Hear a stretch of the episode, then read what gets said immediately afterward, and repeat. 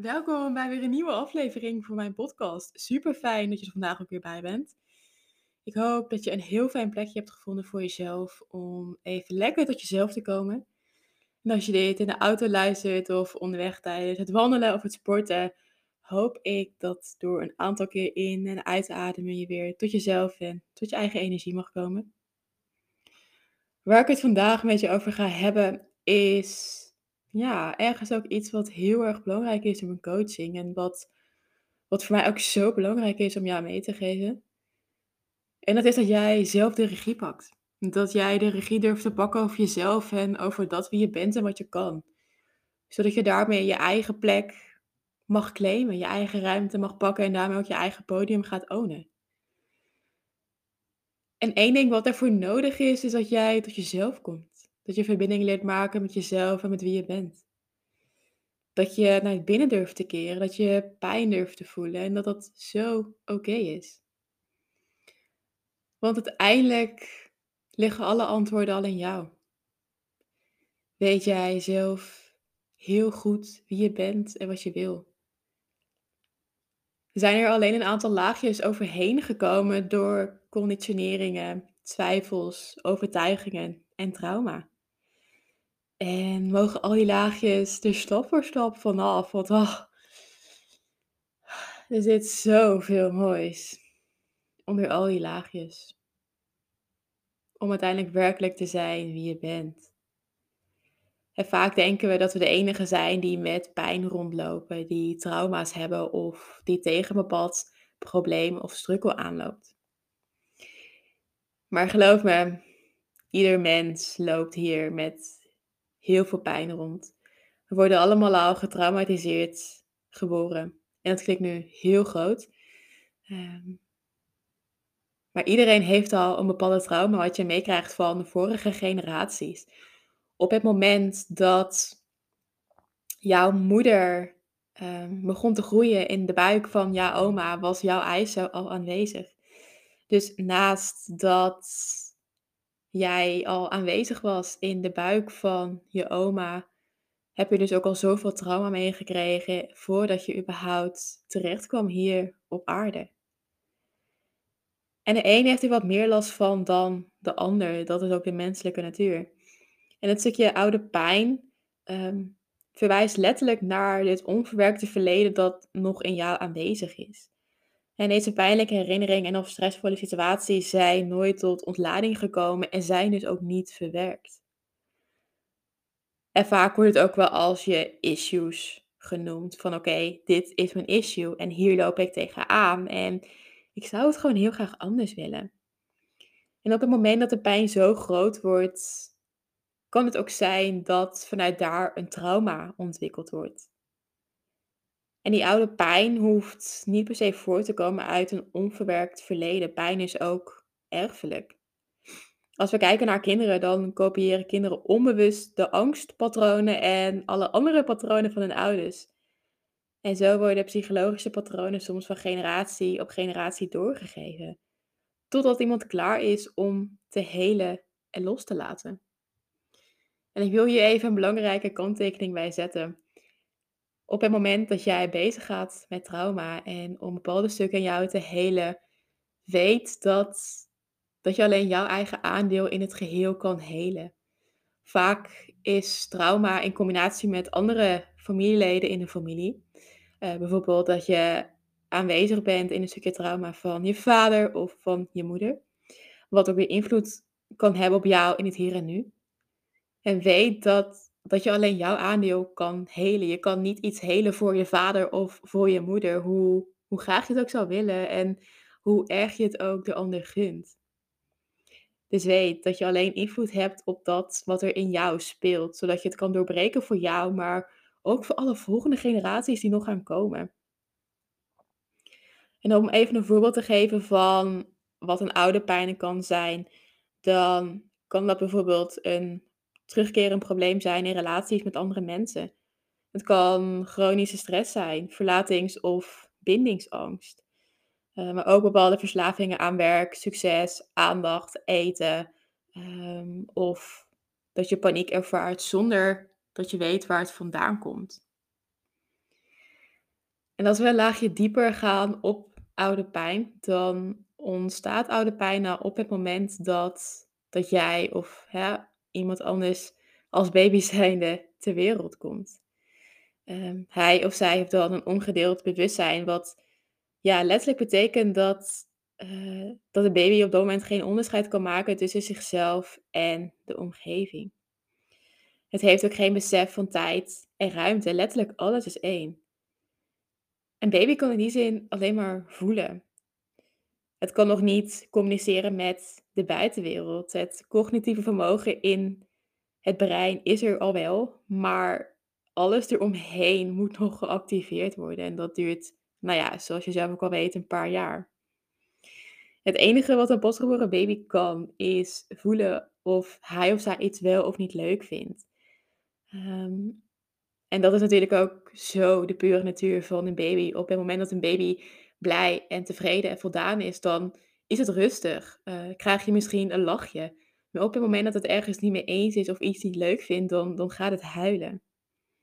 Ehm, en dat is ook weer gekoppeld aan een stukje veiligheid en onveiligheid. Een baby kent letterlijk maar twee ervaringen. En dat is dus of veilig of onveilig. Of liefde of angst. Of blijheid of verdriet.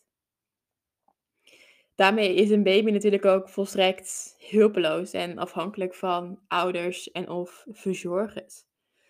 Het kan niet relativeren en denken van, oh, ehm, mijn ouders zijn even weg, maar komen zo weer terug. Of ehm, mijn moeder is even druk, dus ik moet even wachten op eten of op aandacht. Ze liggen zo, ja, afhankelijk in hun leven, waardoor ze ook zoveel aandacht nodig hebben om tot iets uit te groeien, maar vooral ook om de veiligheid in hen uh, in stand te laten houden. En op het moment dat dat niet gebeurt en dat er kronkels komen in hun mate van veiligheid, dan wordt dat in hun brein geactiveerd tot een stukje trauma. En de gebeurtenis zelf is niet per se trauma, maar meer de reactie daarop. Trauma uh, veroorzaakt een bepaalde reactie in je lichaam. En als er met die reactie niks wordt gedaan, dan slaat die reactie zich op in het lichaam. En dat is uiteindelijk ook het trauma. Want vaak worden er zoveel definities over trauma gemaakt en zoveel verschillende voorspellingen dat het uiteindelijk onduidelijk is van ja, wat, wat is nou trauma? En het klinkt zo groot en er zit zoveel lading op, maar wat is het nou exact? Ehm, dus als jij in je kindertijd al bepaalde dingen ziet, hoort, voelt en dat het zich allemaal opslaat in je mooie lichaam, dan is dat uiteindelijk de trauma. En om uiteindelijk dat stukje trauma los te laten, mag je ook dieper zakken in je lichaam. Om te voelen wat daar zit, om te voelen wat nou de trauma veroorzaakt. Want ga voor jezelf maar eens na. Welke gebeurtenissen in jouw leven aanwezig waren Ehm, als je nu denkt aan je kindertijd, aan de basisschool of aan de middelbare school, welke herinneringen komen nu direct naar boven? Waar denk jij nu instant aan in dit moment? En wat maakt dat je daar nu aan denkt? Wat voor gevoel is aan die gebeurtenis gekoppeld? Misschien is er ooit tegen jou gezegd door klasgenoten dat je te veel aandacht kreeg. Of dat je te braaf was. Of dat je werd voorgetrokken door je juf of je meester. En aan dat, of aan die gedachte, is een bepaald gevoel gekoppeld. En dat gevoel is opgeslagen in je lichaam. En als we hem even helemaal concreet maken, stel, ehm, er is vroeger tegen jou gezegd dat je niet zoveel om aandacht moet vragen. Dan is dat nu nog steeds voor jou een trigger en kan het zijn dat je nu bang bent om, om aandacht te vragen? Dat je het moeilijk vindt om een bepaalde ruimte in het hier en nu te pakken? Omdat je bang bent dat je te veel ruimte claimt? Dat er weer mensen zullen zijn die te zeggen dat je, te veel, dat je om te veel aandacht vraagt? Waardoor je jezelf gaat inhouden en letterlijk gaat reageren vanuit een bepaald gevoel in je lichaam. Ik hoop dat dit tot nu toe duidelijk is. Mocht het niet zo zijn, laat het vooral even weten. Um, weet dus dat heel veel opgeslagen is in je lichaam. En dat het zo interessant is om daar terug naartoe te gaan, om te kunnen ervaren van oké, ik reageer nu op deze manier of ik voel nu deze dingen. Wat maakt dat ik het voel? Wat maakt dat het zo alive is in mijn eigen lichaam? Want, nou ja, zoals ik net ook al zei over baby's, ehm, je hebt al een heel leven gehad.